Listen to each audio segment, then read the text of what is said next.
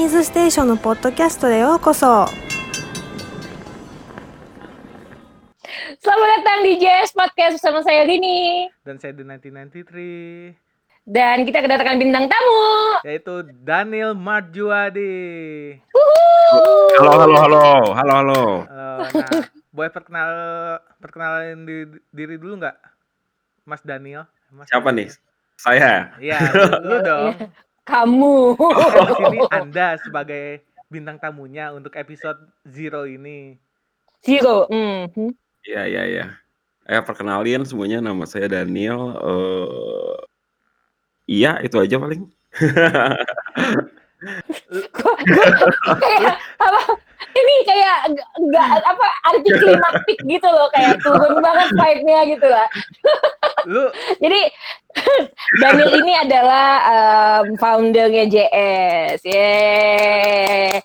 Dan di sini kita mau hari ini kita mau memperkenalkan um, JS Podcast yang ini merupakan episode zero-nya. Nah, um, kali dan hari ini kita bakal hmm, bakal bahas apa, Tin? Um, hari ini kita bakal membahas soal um, sedikit um, sejarahnya JS, kayak sekarang JS lagi ngapain sih. Um, sama mungkin kita bahas seputar Jepang kali ya. Nah, seputar Jepang ini kita bakal ngebahas soal um, mungkin mm, pengalaman kalian masing-masing, kita masing-masing di Jepang itu gimana sih? Gitu. Oke. Berarti Seru dari, nih kayaknya. Dari JS dulu ya. Dari, iya dong. Iya, dari JS dulu. Nah, gue mau nanya nih buat Daniel. Awal mula lu bikin JS JS itu gimana sih atau kenapa lu pengen bikin JS? Oh, oke. Eh, awalnya sih gua sebenarnya eh, memang passion sih, emang senang aja tentang dunia-dunia Jepang ya, terutama di budayanya. Pada tahun sekitar 2010 kali ya itu ya. 2010 tuh eh, memang gua sendiri banyak kerja di dunia digital ya waktu itu. Itu masih belum terlalu banyak agensi dan masih tapi main di ranah web eh, digital agensi ya kecil-kecilan lah seperti itu dulu. Kemudian eh, kepikiran juga gitu. Seneng Latar belakangnya agak wibu gitu ya tapi kak ya. enggak juga sih. Karena ya tadi karena awalnya gua kerja di digital ya sering main di digital gitu ya website dan segala macam juga gitu. Dan gua senang dengan budaya Jepang ya kenapa enggak gua ngejalanin hobi gua gitu. Ya awal-awal sih cuman memang passion aja sih ngebuat website tentang segala hal berbau Jepang lah. Tapi ya lama-lama sekitar tahun 2012 jadi serius juga gitu. Akhirnya Hmm. kenapa enggak gue seriusin gitu. Katanya hobi yang paling eh oke itu kan kalau eh sorry kalau nyari duit itu paling oke kalau bisa sembari jalanin hobi kan Oh, Udah. passion ya, passion. passion juga gitu akhirnya ya udah kenapa enggak gue sembari jalanin dengan serius gitu gitu sih Hmm. awalnya Hmm. Tapi kan sebelumnya kalau yang gua tahu ya, sebelum jadi nama Japanese Station tuh kan ada nama lain dulu tuh. Sebelumnya namanya apa sih?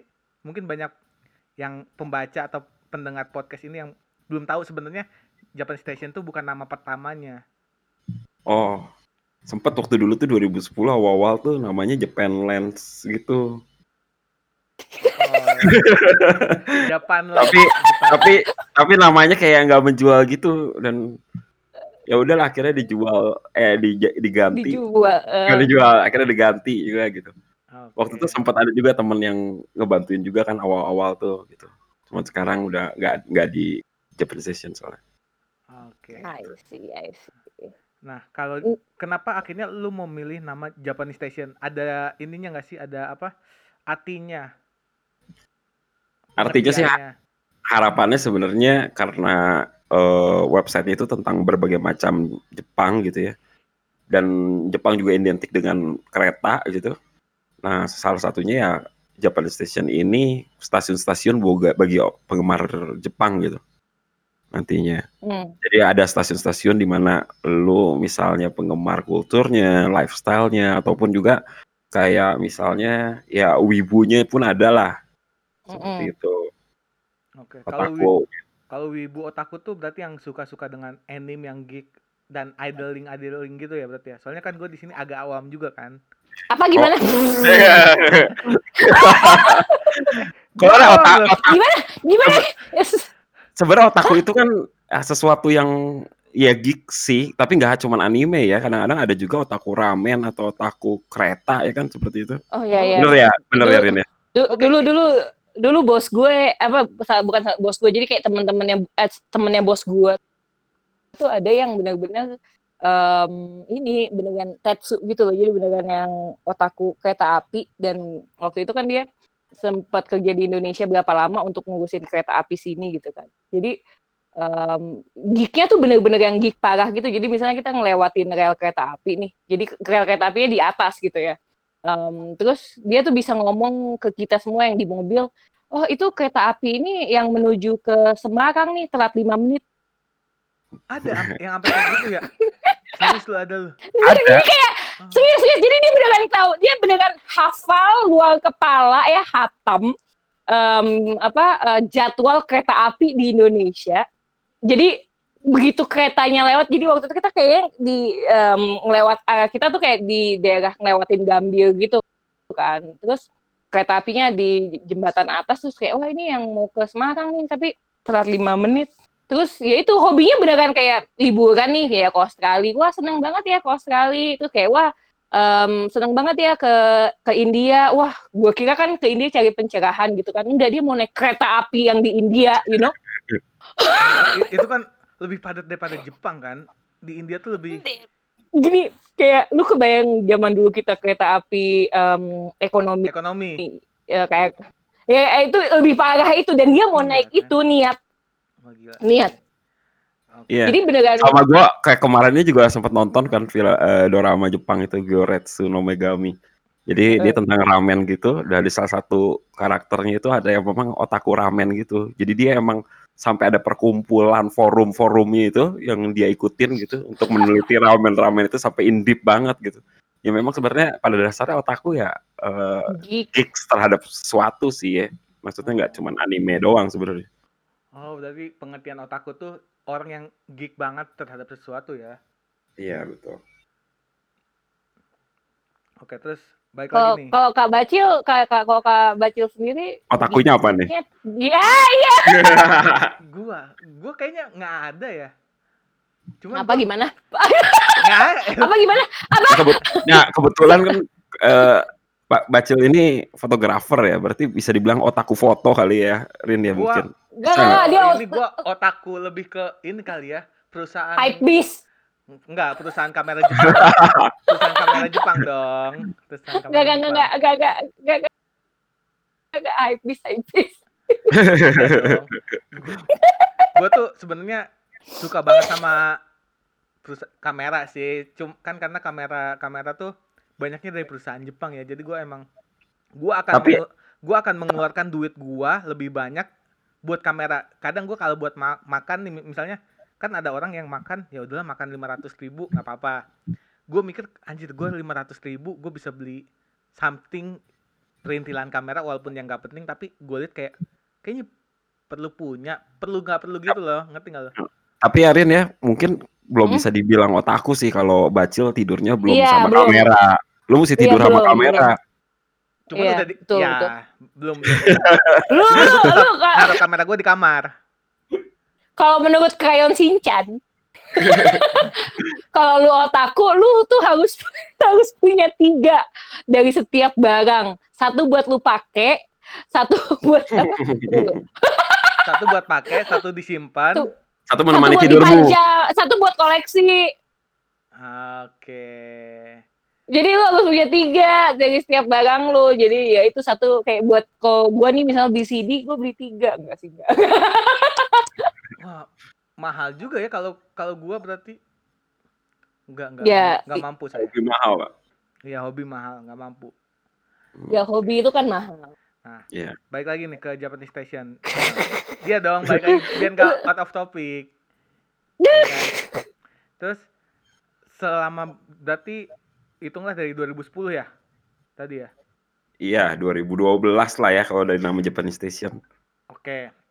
Kalau dari 2012 sampai sekarang kan udah udah 8 tahun nih. Mm-mm. Nah, apa sih yang da- susah susahnya ngebangun sebuah media tuh? Apalagi kan ini bukan media nasional ya, maksudnya skalanya nggak begitu luas. Niche banget, Iya, topiknya niche banget. mungkin dari Susahnya ya, Mm-mm. susahnya banyak sih. Ya senangnya juga banyak gitu. Ya, Awal-awal memang eh apa ya perubahan sekarang kan zaman cepet banget ya Di- zaman digital juga terutama apalagi cepet banget gitu Oh iya dari jelas. dari dari cara bermain aja kita udah ber- udah berbeda kita mesti ngikutin terus tiap tahun karena dari Hmm. cara bermain ber- berbeda misalkan dari segi monetize juga eh kalau zaman dulu masih sering pakai banner-banneran gitu. Kalau sekarang udah nggak bukan yang hal utama yang biasa kita lakukan untuk monetize kayak gitu. Dari Hmm. segi dari segi apa namanya ya membuild tim juga bukan hal yang gampang ya. Maksudnya banyak juga yang keluar masuk gitu. Ada yang cocok ada yang enggak gitu. Ada yang cuma sekedar passion atau emang cuma sekedar emang mencari duit juga gitu. Tapi ya terlepas dari itu semua sih sebenarnya eh, enjoy sih ngerjainnya karena itu tadi ketika lo ngerjainnya memang passion hobi gitu itu lo kan lebih enjoy ngerjain kerjaan gitu Oke. Cuman kan banyak nih pemikiran orang-orang yang wah bikin media enak ya. Gampang Enggak. kayaknya cuman Kayaknya- nge-share-nge-share Oh. aja. Iya kan gue hobi juga gitu kan. Iya. Maksudnya di sini mungkin lu bisa berbagi kayak sebenarnya nggak seenak itu loh. A- ada ada beberapa hal yang harus kalian lihat sebelum bikin sebuah media. nah terlepas dari media? J- JS kan udah PT ya maksudnya walaupun yang awalnya dari yang lu bilang hobi mungkin kan banyak orang juga yang pengen oh gue karena hobi juga mungkin gue bisa nulis nulis apalagi sekarang orang orang percaya berita itu dari insta dari sebuah artikel Instagram aja mereka bisa percaya gitu loh Hmm. Nah, sebenarnya kalau eh, ini media tuh apa ya bisa dibilang hmm, ya nggak semudah itu juga karena kita nggak bisa kadang-kadang ya kita punya idealisme kita nggak bisa naruh di media kita kalau tadi dibilang passion ya maksudnya Mhm. Mm-mm. kalau dibilang passion kan berarti ya apa yang kit, gua seneng gitu gua taruh di media tapi sekarang kan gak, gua nggak bisa begitu juga karena gua mesti mengikuti tuntutan pasar Hmm. Ya, jadi maksudnya mau nggak mau pun, walaupun itu passion juga gitu, tapi kita harus bisa ngelihat pasar juga, kira-kira marketnya senang ke mana sih, audiens kita tuh senangnya ke mana sih gitu. Ya kayak misalnya, eh oke lah, misalnya paling laku tuh berita kalau di Japanese Station tuh biasanya salah satunya tuh anime ya gitu. Nah, gue pribadi sendiri pun nggak ngikutin anime sebenarnya. Ya tahu gitu aja sih, cuman cuman nggak ngikutin yang segimananya gitu. Nah, oleh tap nah itulah fungsinya maksudnya eh gua ada tim yang memang eh ada bidangnya masing-masing gitu. Penikmat gitu. anime. Ah, ya penikmat anime sehingga bisa berbagi juga buat eh, audiens gitu. Nah, maksudnya kan celah-celah banyak celah-celah yang gimana cara ngisinya gitu. Ketika lu ngebangun sebuah media gitu.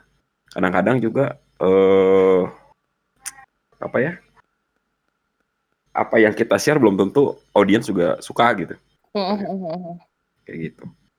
Daniel tuh sekarang lagi sibuk apa sih di JS? Hmm, saya sibuk nyapu-nyapu aja sih kantor. Banyak debu ya lockdown ya.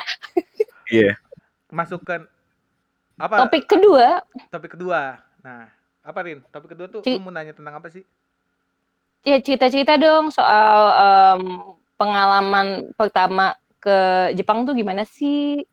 Siapa dulu nih? lihat ini Lihat. lah Rini yang udah Kok udah gua? Gue ya, Iya. ya lu paling dulu lama. Rin lu paling lama dari antara kita Iya. Lu udah sempet kerja juga di sana kan? iya yang into Iya, into Jepang banget tuh ya lu gitu ya, gue ya. ya Gue Iya. kira, yang kira ibu, kabar ibu, ibu banget nih. atau gini deh Agak.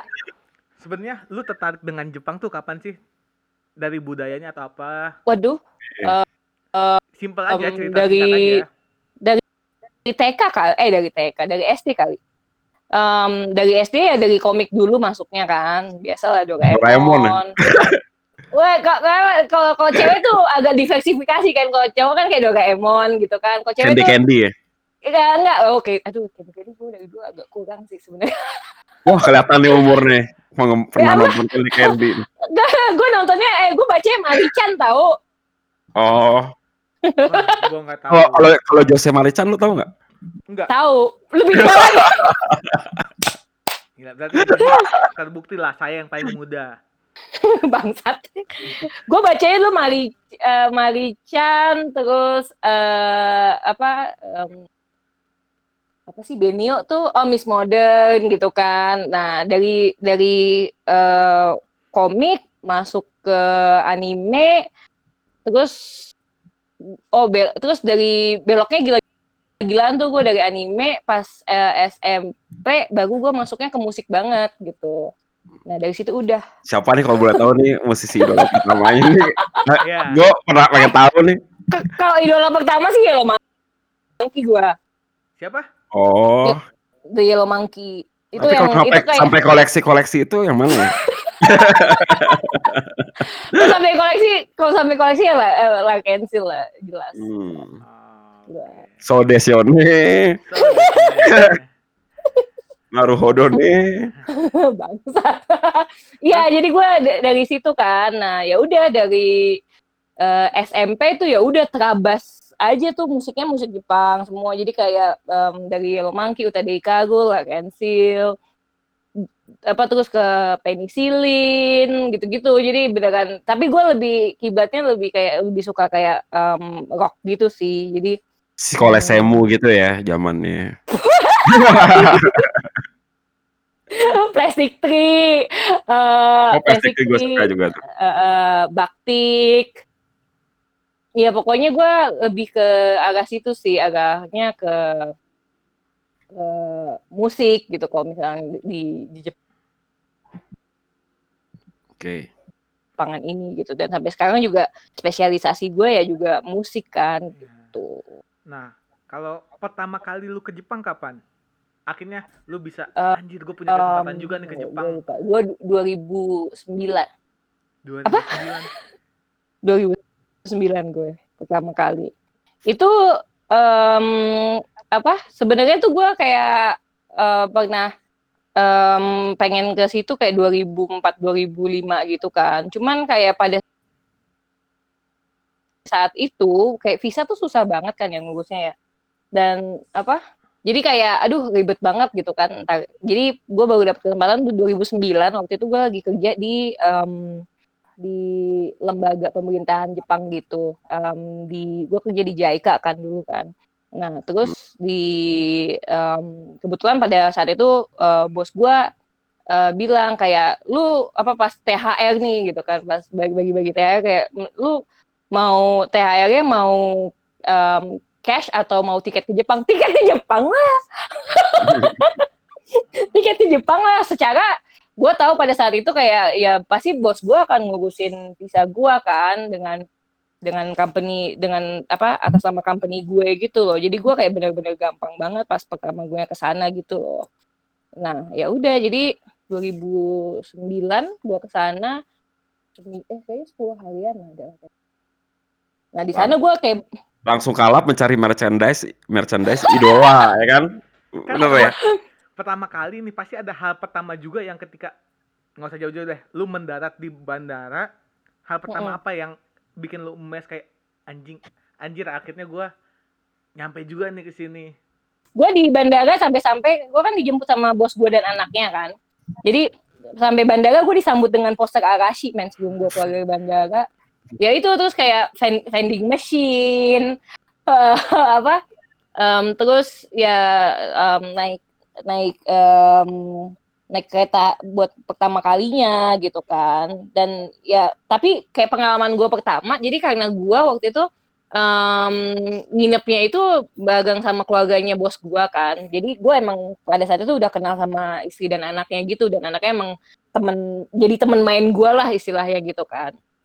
Em, jadi gua tahu kayak oh em, yang bikin gue tuh kayak pengalaman gue ke Jepang kayak pertamanya tuh kayak nggak tinggal di hotel nggak yang travel banget gitu loh jadi gue beneran tahu kayak oh gu- isi rumah eh, orang Jepang pada umumnya tuh kayak gini gitu kan.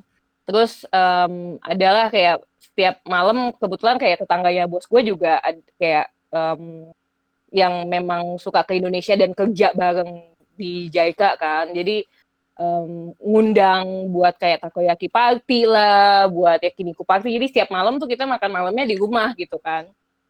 Nah, Hmm. satu hal tapi kayak satu hal yang um, beda banget. eh, jadi kayak pas gue pertama ke Jepang itu karena secara gue kayaknya kayak bos gue dan keluarganya dan eh, keluarganya kolega bos gue tuh kayak khawatir gue sendiri di Jepang gitu baru pertama ya. Jadi tuh gue selama kayak 10 hari tuh gue nggak ada jalan-jalan sendiri, gue selalu ditemanin dan ditanya kayak mau ke mana gitu, kita yang nemenin deh gitu kan. Jadi kayak Oh, Misalnya nih. dapat special treat ya lu ke sana ya.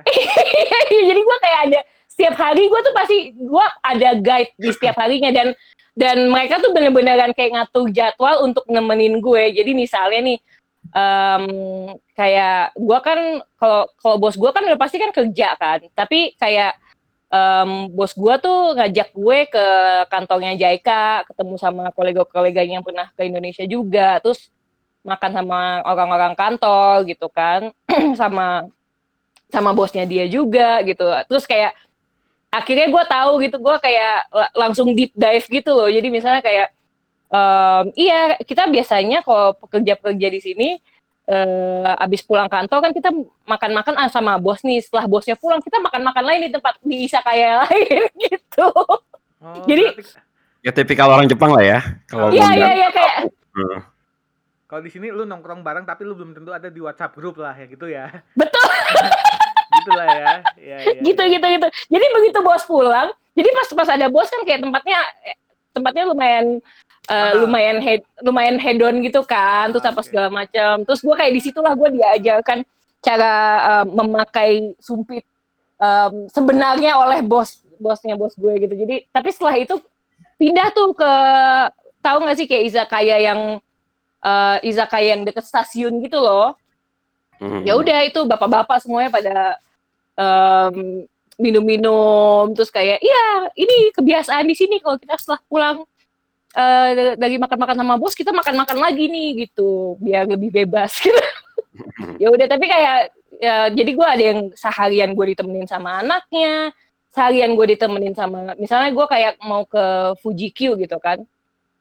Ke Fuji Q gue ditemenin sama istrinya dan em, istri kolega bos gue nih gitu kan. Nah maksudnya kayak kayak orang berdua ini kan em, ya maksudnya sudah cukup berumur gitu kan. Tapi masih mau nemenin gue naik naik roller coaster lah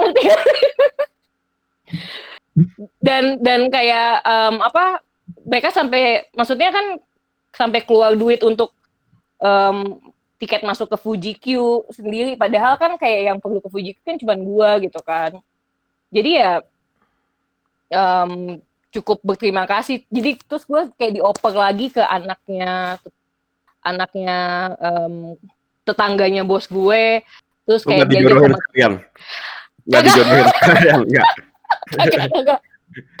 beneran kayak beneran kayak gue semuanya kayak mau mau ke Harajuku lah mau ke mana itu bener-bener eh, apa bener-bener di di dianterin ke mana-mana gitu. Dan kebetulan bos gue itu rumahnya di em, Nishikasai.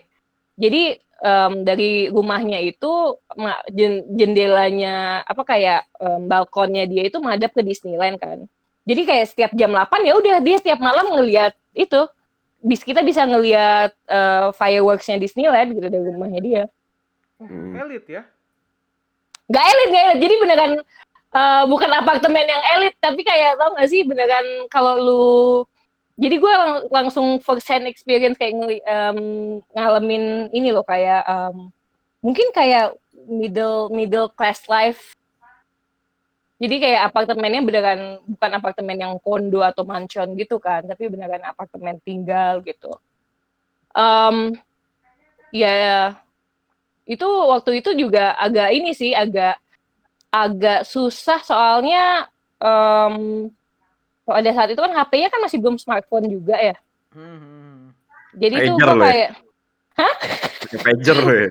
gue enggak gue waktu itu pakai apa ya gue pakai masih pakai Sony Ericsson gitu loh Tapi 2009 2000 udah ada Facebook kan, udah ada Facebook dan Twitter. udah udah ada udah udah udah ada udah ada Facebook udah ada Twitter Em, cuman memang kayak em, itu jadi pada saat itu ya Masih Kalau terbatas mau- lah mungkin ya.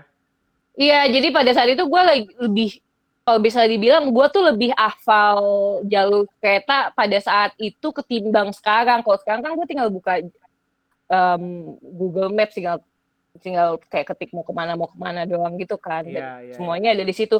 Kalau dulu beneran kayak gue ya ngafalin jalan gitu dari stasiun terdekat ke apartemen bos gue gimana. Tapi ya gue juga nggak ngagus ngafalin sih. Soalnya kan kayak gue dianterin ke mana-mana gitu loh di di, di dikawal ke mana-mana.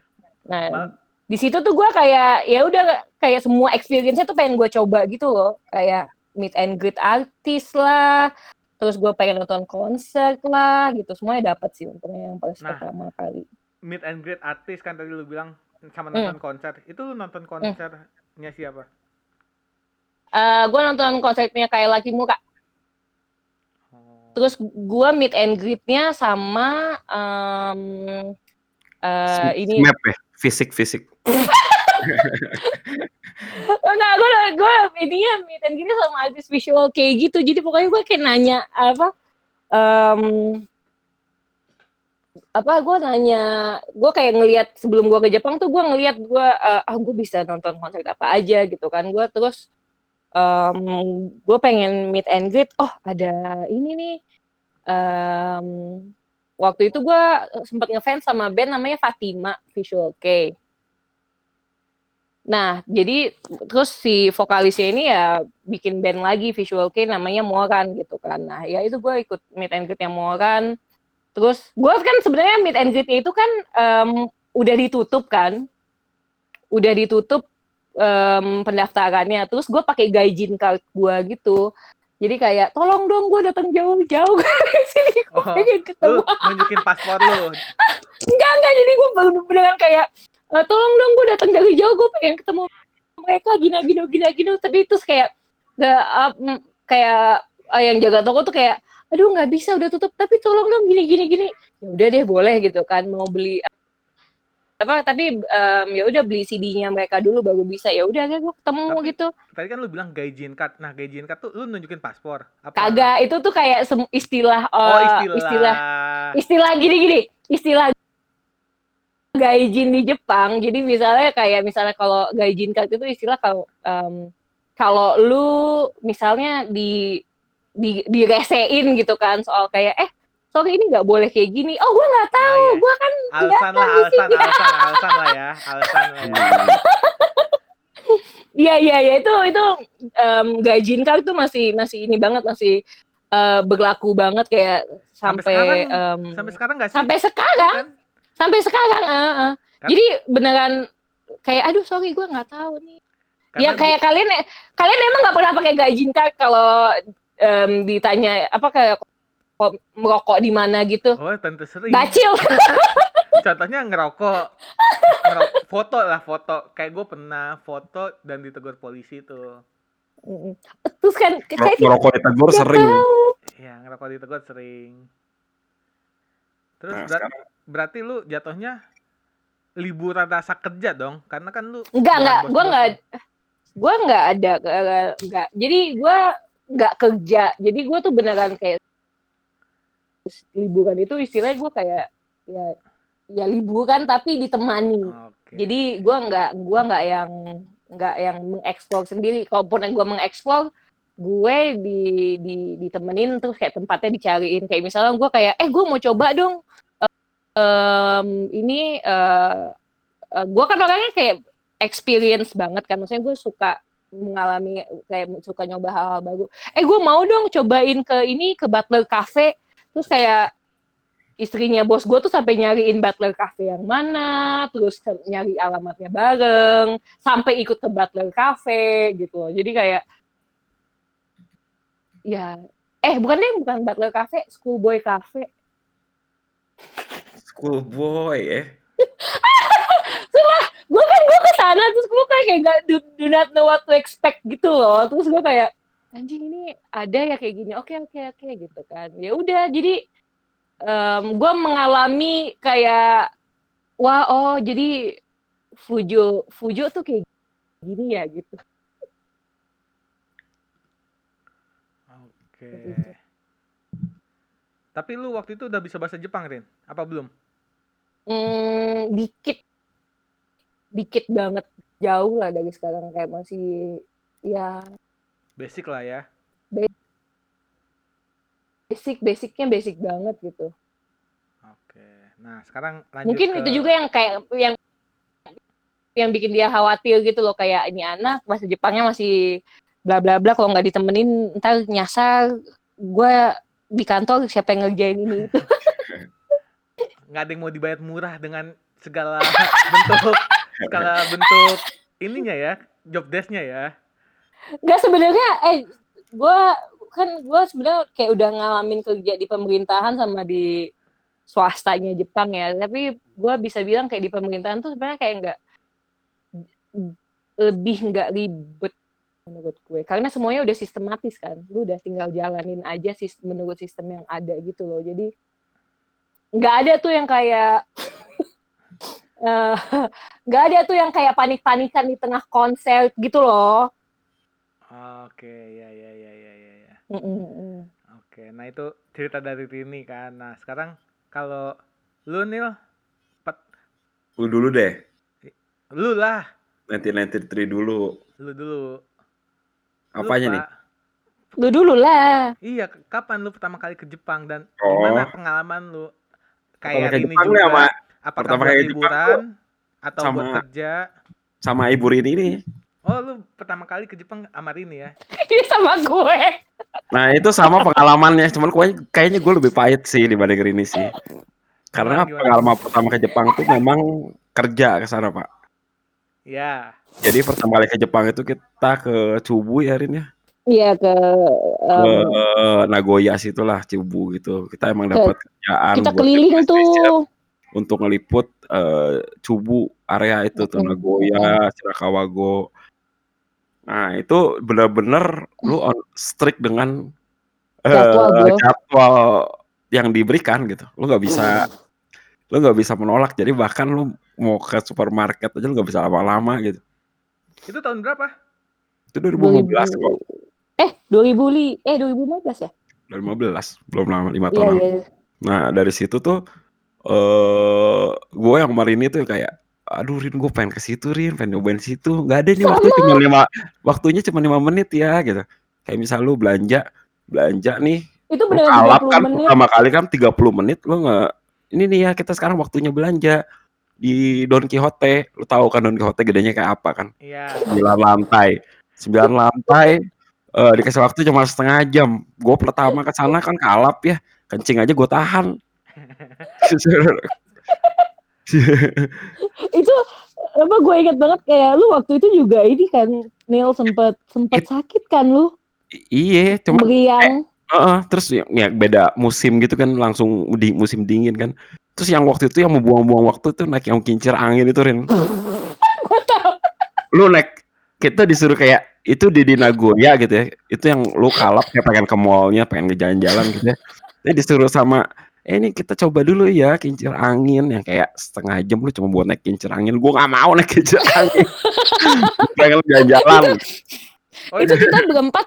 Kita kan sama representatif Garuda sama em, em, ini kan kayak sama Eh, satu dari orang agency lah. Dari travel agency lagi kan. Nah Oh. terus kita ngapain disuruh naik ini? Apa kita ngapain Iya, disuruh iya, iya. naik biang lala ini? Lalu kasih gue waktu bebas buat jalan-jalan akhirnya waktu bebasnya tuh cuman ini tau nggak? Udah pada tutup toko-toko gitu jam 9 gitu. Akhirnya gua sama Rini akhirnya cari tempat karaoke Rin waktu itu ya. Oh iya kita waktu itu sama orang Garuda itu kita ke, ke tempat karaoke. Jadi kayak malam itu beneran di hotel gitu kan kita.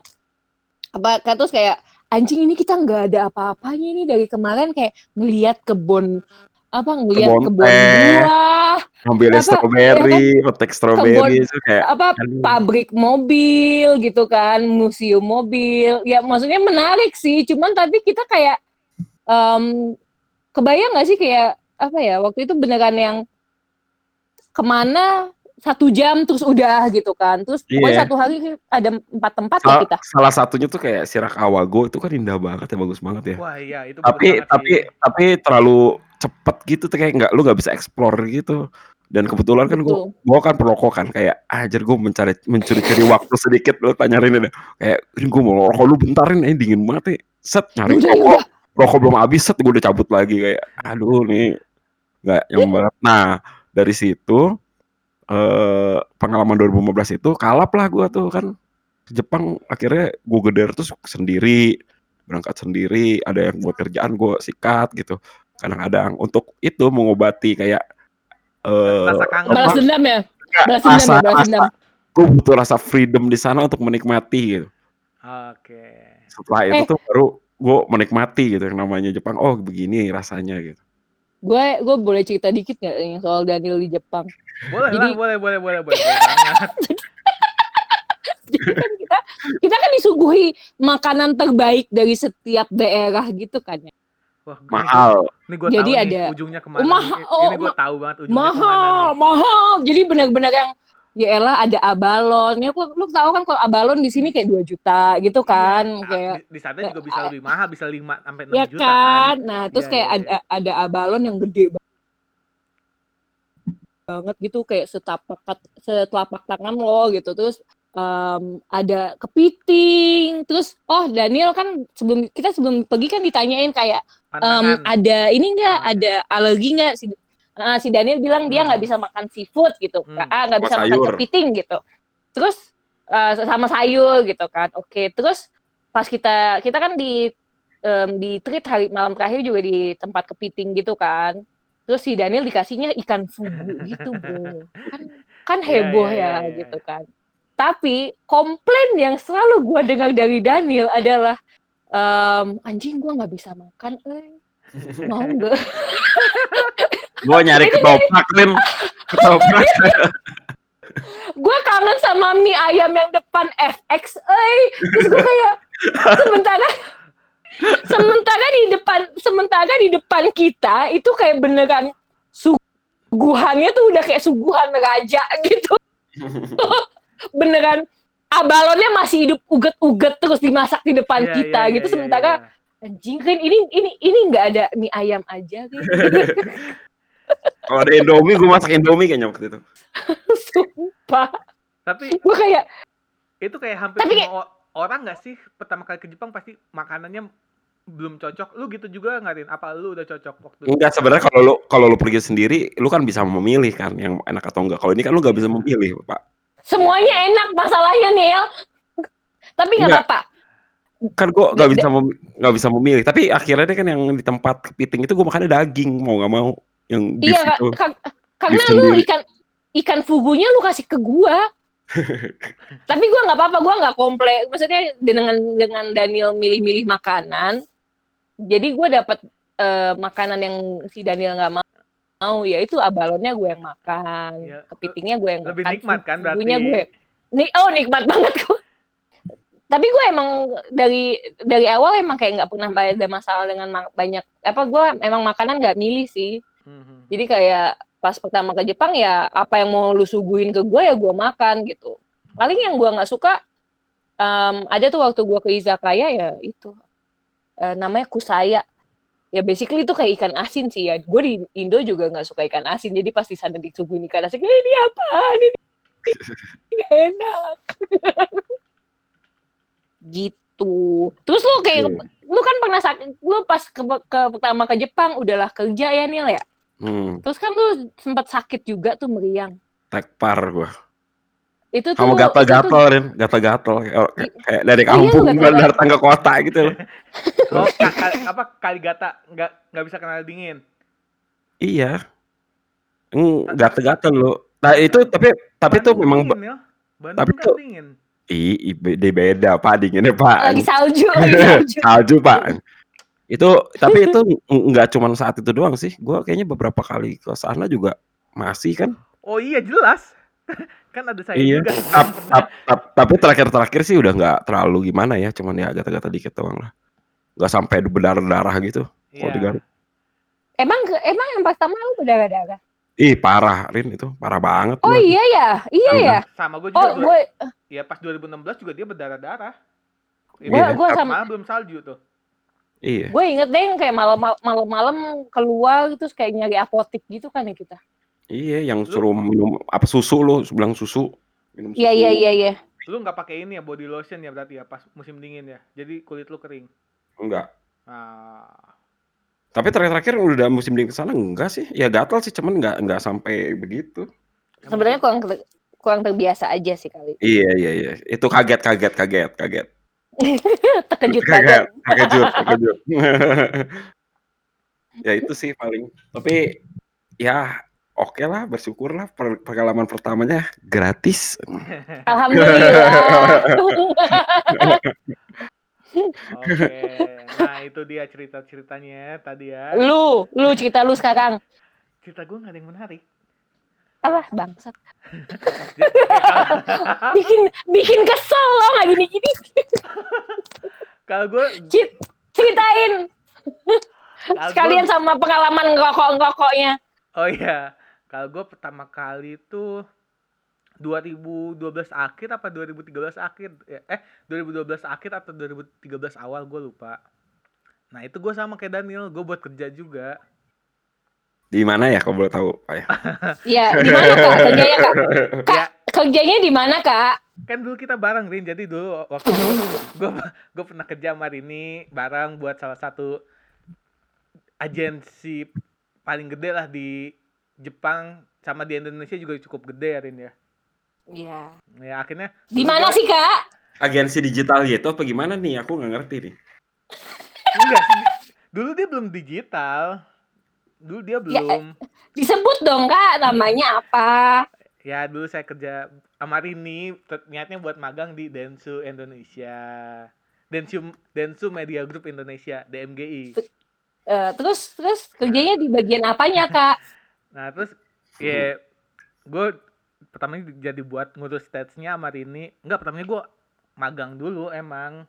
Akhirnya gue buat stats dan terus itu Rini masuk eh gua masuk Rini keluar nggak lama cuman setahun gua masuk Rini keluar jadi akhirnya kayak ya mana magangnya belum beres lagi dua bulan lagi eh udah beres cuman karena waktu itu enak udah dapet duit kan ya udah gua kayaknya hatiku terpanggil ke sini deh Terpanggil karena siapa sih kak lo?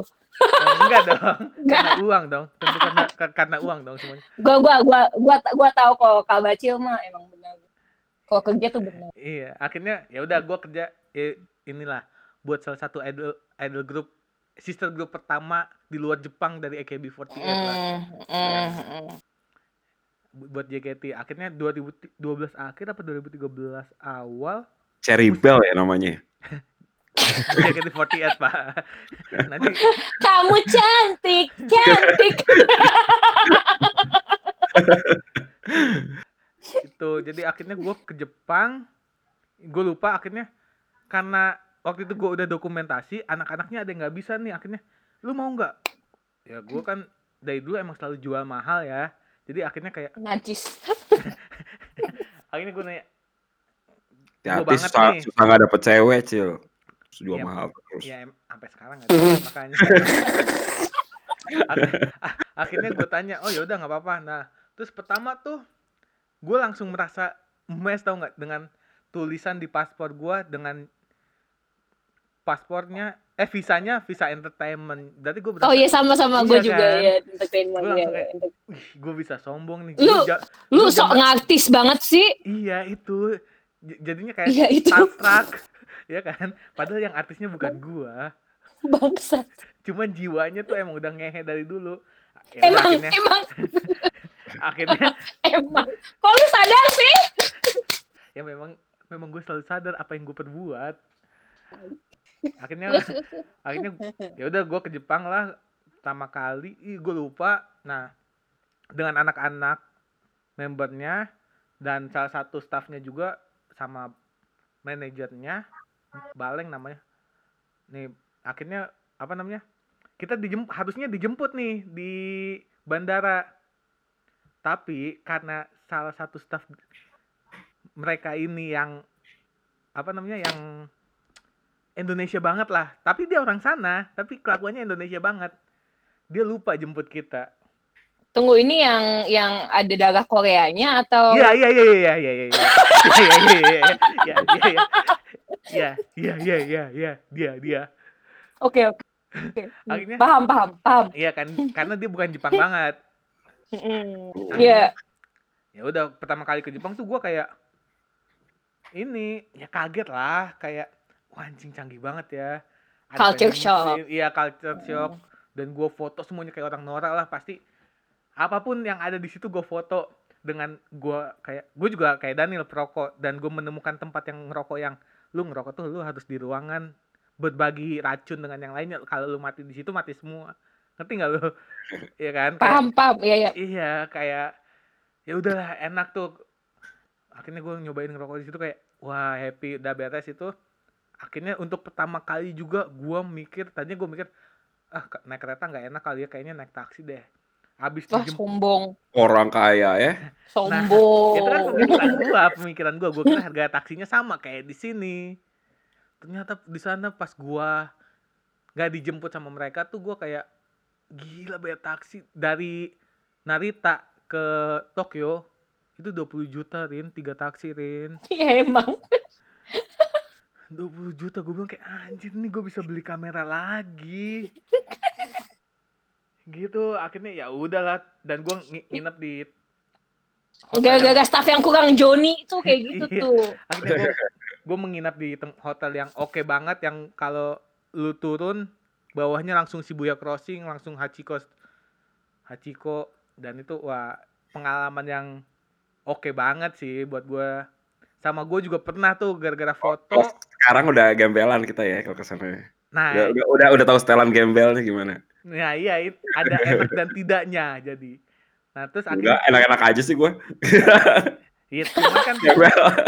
eh kita pernah ya nggak enak ya Nil ya yang tempatnya antah berantah itu yang salah mesen Airbnb Yang mana? yang, Oh, yang lu Sal- jalan yang lu udah mau pingsan oh iya iya iya. Yang ada Dan dia perseling- nggak mau pingsan. yang ada, yang ada perselingkuhan Oh. orang Korea itu. Apa apa? iya, iya, iya. Perselingkuhan orang Korea. Ngomong apa dah? iya, iya. Ada- Ini ada- lagi syuting lagi Oh, syuting drakor atau Nanti gimana nanti ini? aja cerita, nanti, cerita nanti. yang lain, cerita yang lain aja nih. Ada yang lain akhirnya podcast Ya yang udah lain. ya udah gue karena pertama kali gue jalan-jalan dong sendiri gue mikir dengan mindset sampai sekarang gue ke negara orang gue harus bangun paling pagi tidur paling malam oke Mm-mm. jadi gue jalan-jalan gue ke Shinjuku gue foto-foto nah di Shinjuku ini gue apes apes jadi Kenapa lu? ya gue kan eh, lumayan tertarik dengan street fotografi ya Mm-mm. nah gue nggak tahu di Jepang tuh ada tempat-tempat yang nggak boleh difoto gue ke Kabukicho Oh pinter. gue ke Kabukicho Nah, gue juga itu tuh. nah gue ke Kabukicho terus jadi ada cewek pakai baju kayak mat atau bunny gitu ya gue kan ngeliatnya sebagai orang awam lucu kan ya Mm-mm. nah, akhirnya ya udah Tapi emang lucu, Pak. ya emang lucu lucu banget lucu banget Karena sebagai orang awam, sebagai Anda, Pak. Lucu, Iya Pak ya. sebagai iya sebagai eh, fotografer kawakan. lucu lucu banget akhirnya gue foto lah depan mukanya kayak kayak misalnya jaga, ya semeteran lah karena gue pakai lensa yang lumayan nggak lama dia lari masuk ke dalam gue kira karena malu kan ya udah gue jalan terus taunya gue dikejar dong sama yang jaga gila lu pas ini kayak Suruh hapus. suruh hapus dan gua akhirnya cerita tuh ke temen gua namanya Rian gini gini gini terus ditanya anjir lu untung nggak apa-apa ya lu udah ke situ lu untung masih bisa balik cuman suruh hapus doang ngerti Iya nggak lu iya untung nggak hilang. Untung Iya. gak hilang clicking lu ya. Iya untung nggak hilang.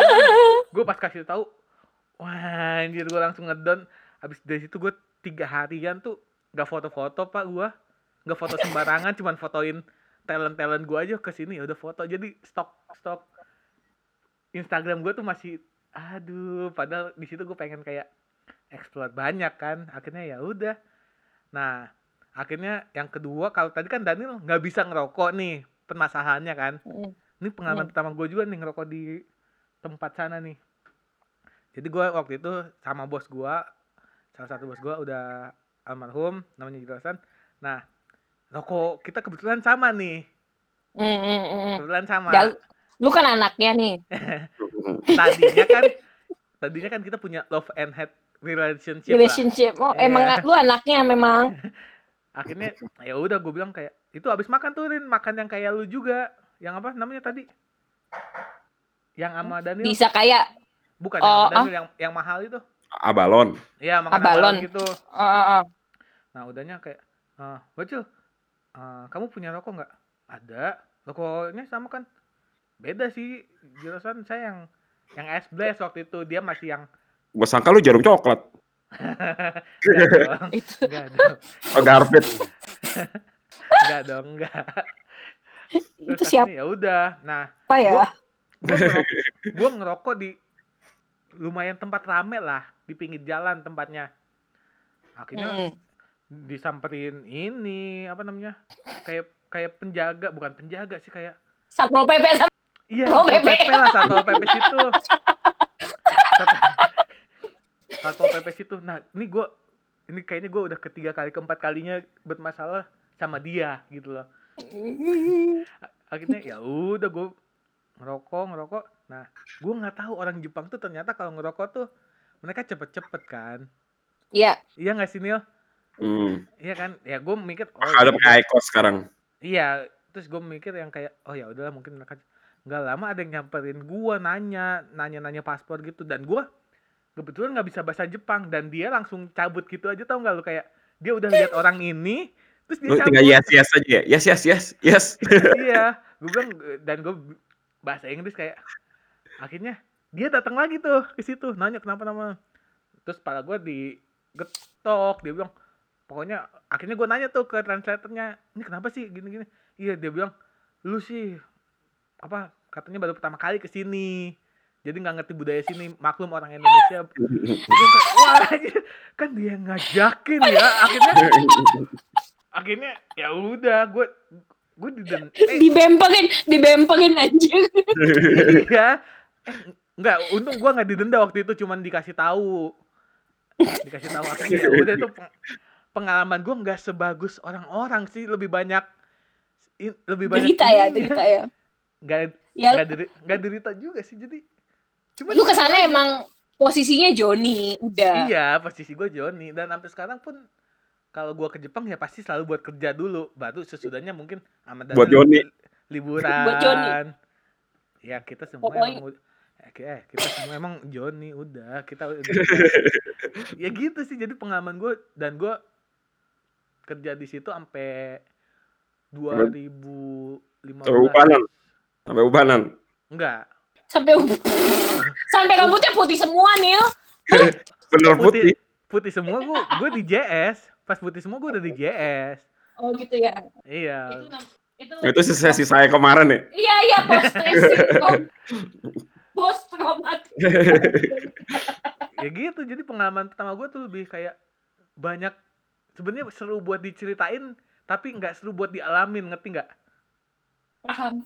iya jadi kayak anjir gue punya pengalaman yang lu semua belum tentu dapat gue udah dapat duluan kayak gue diusir dari onsen gara-gara sama salah satu staff ada tatoan kita udah mau nyebur dikeluarin Tapi yang gua nggak pernah lupa ya kayak accident gitu ya. Dua kali eh dua kali di Jepang hilang HP. oh ya salah satunya sama saya dong Iya. Ketemu nggak? Ketemu nggak? ketemu untungnya ketemu Ajaibnya ketemu langsung. Gue juga waktu itu pernah ketinggalan HP waktu itu sa- sama ini juga sama tiga kali Jepang ya. Sama juga gitu kan. Waktu itu kita ke Tokyo Tower.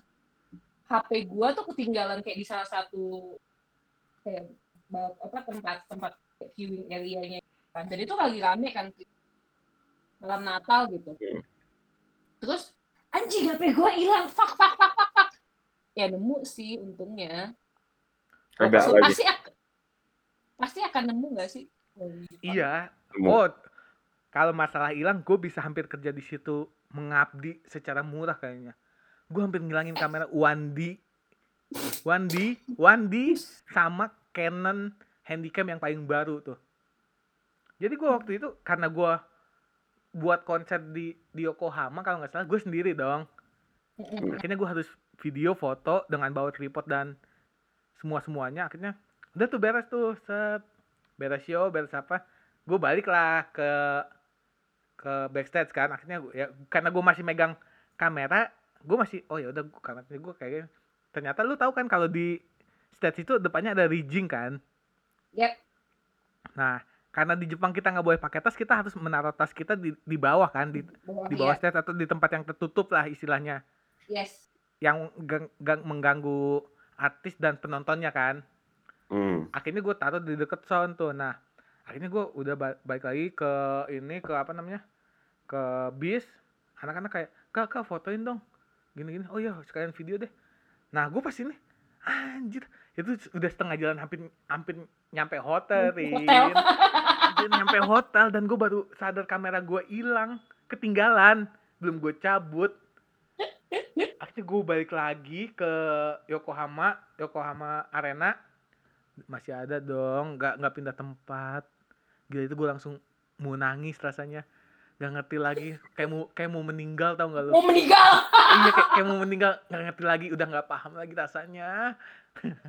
Kayak- Jujur. iya. You you itu. You here Yuy, yuy, yuy. you here nah kalau Daniel gimana nih lu pas hilang HP Nil? Pas Pas hilang HP. ya? yang kedua dong. Yang yang udah drama banget yang kedua lah. Iya iya. Itu gue menghabiskan waktu setengah hari lumayan itu ke pinggiran Jepang. Soalnya waktu itu minta tolong. So waktu itu sempat nanya ke pos satpam polisinya, ternyata ada di kantor polisi di daerah mana gitu, ditaruhnya di Ah. sana. Akhirnya kita eh, kebetulan waktu itu ada partner Jepang yang minta bantuin untuk eh, temenin ke sana. Itu habis makan waktu setengah hari ya. Harusnya Lebih, bisa Nel. foto-foto.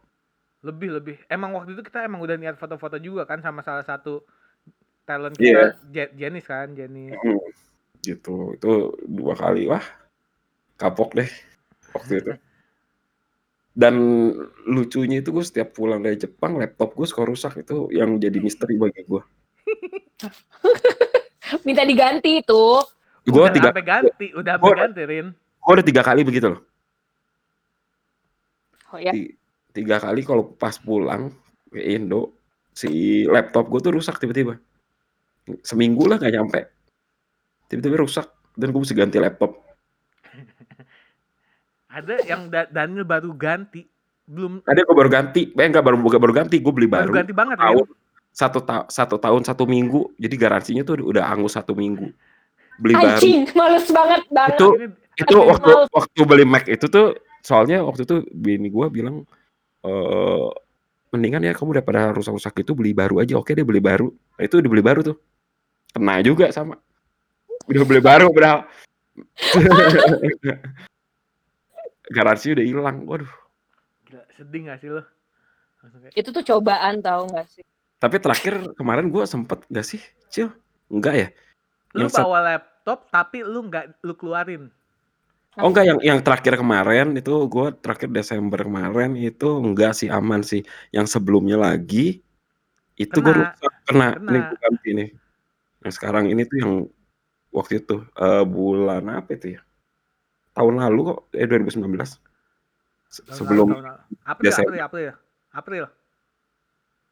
Kan yang Eh. ketemu sama gua, yang ketemu sama gua di bandara. oh itu mah gue sama Sandy kan? Iya, abis itu kan laptop lu rusak juga. Oh Januari pak itu Januari. Oh, Januari ya? Hmm. Iya sih, gitu. Naas udah. banget. Jadi, jadi ya kita semua punya pengalaman seru sih di Jepang ya. Yang pasti sih gue pengen ke sana lagi sih. Nah, nih. Kapan? ngomong- Nah, nih ngomong-ngomong masalah ini, kira-kira ini kan Jepang udah buka buat negara-negara Asia ya. Kecuali kita. Ya, Asia Tenggara kan Beberapa kita, negara. ah, saya- kita kalah sama Malaysia dan Singapura. Nah, Hmm. menurut lu kira-kira Indonesia kapan sih bisa dibuka lagi? Akhir tahun kan? Akhir tahun kah atau tahun depan kah? Gue sih tahun. mikirnya tahun depan sih. Tahun Ya. depan ya. Tahun depan mungkin ya. Ya Pas- kayaknya tahun ini libur dulu sih nggak ke sana kayaknya. sih.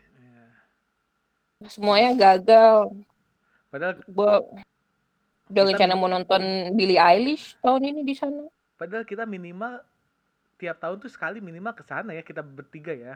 Pasti ada aja lah rezekinya ke sana kan. Dua Iya. satu dua kali ya Iya, Satu dua kali. Ya minimal sekali lah, minimal banget tuh sekali sebenarnya. Gitu. makanya di Instagram lu kalau ditulis profilnya Tokyo Jakarta lo ya Iya. iya. Gue Di, pro- di website gue pun gitu, di website gue pun gitu Tokyo Jakarta karena eh gue kayaknya masih gue gue masih tahu Tokyo masih gue terakhir kali update profile Instagram pas gue kerja di sana aja. gue apa namanya? Akhirnya ya itu karena beber- akhirnya gue juga dapat klien dari Jepang langsung yang emang tahu gue karena Instagram jadinya gitu. Jadi ya udahlah saya membrandingkan diri saya sebagai gaijin yang suka pergi ke sana. Gue agak Kenapa? Oh, gue lelah sama kak the 1993. Gue gue suka lelah. jadi 1993 ini fotografer pribadi saya kalau di sana Oh iya, fotografer orang. gitu ya udah kalau cerita gue nantilah kita bikin satu episode lagi. Wih, khusus 1993 ya Khusus- pengen pengen banget ya, pengen banget ya, pengen pengen sih, pengen. pengen. apa sih? Tai. Cuman kan nunggu ditawarin aja, jangan minta dong, nunggu ditawarin Itu dong. barusan lu minta bangsat.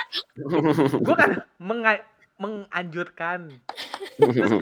Lu bilang ya udah nanti kita bikin lagi. Nah itu baru ayo. Gue kan Enggak, kita nggak usah bikin ini, nggak usah ya. Nggak usah. ntar gue gue pikir-pikir deh Lu lu lu pengen banget, lu, lu mau tuh mau banget. gitu ya udah jadi ya kurang lebih gitu ya cerita kita hari ini ya Rin ya di Ya. episode zero ini Di Iya. episode zero.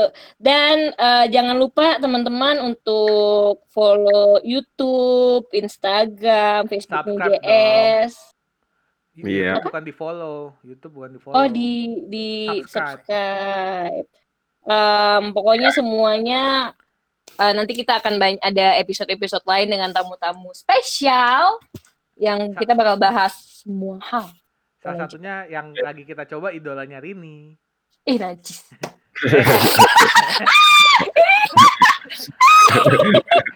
eh eh eh, eh. ya udah gitu aja jadi kalian bisa mungkin eh, apa namanya bisa subscribe YouTube-nya Japanese Station search aja Japanese Station ini podcastnya juga dong Iya, ya podcastnya juga bisa kalian share Nanti di ke Spotify. Iya, dengerin di Spotify a- atau Apple Music. Nah, kalau udah dengerin nanti jangan lupa buat pencitraan share ke Instagram kalian biar, banyak yang tahu juga. Gue benci banget kata itu. Tegaan. Terus yang pakai tuh bacil gitu bangsa. Karena gue kadang gitu, kadang gue ada film keluar, gue nggak mau telat tapi belum punya waktu nontonnya, gue gue chat dulu nontonnya gimana nanti. Yang penting, yang penting update-nya dulu loh, update-nya dulu. up to date. Iya, yang penting kita kan Bacil tuh orangnya ini apa FOMO banget ya. Karena kan Iya. kita kerja di media harus update. FOMO. biasa gue supply juga ada Gue enggak, gua enggak, gue kerja di media kayaknya enggak gitu-gitu amat. kadang-kadang gue kalau ada info menarik gue supply juga ke Bacil Cil nih Iya. Lu lu mau Oh. pencitraan itu mah itu mah lu doang, Cil. Enggak lah. Semua orang semua orang sosial media diciptakan buat pamer. Cuman kadar noranya aja yang membedakan gitu loh. Nih, gila, wise banget kan gua. Gue kesel. Enggak! Gak usah tepuk tangan. Ya udah aja. Udah ya, jadi gitu aja. Sampai jumpa Baiklah. Di episode berikutnya. ya di episode berikutnya. Bye. Thank you Daniel. Bye. yo sama-sama sampai nanti Bye. Bye.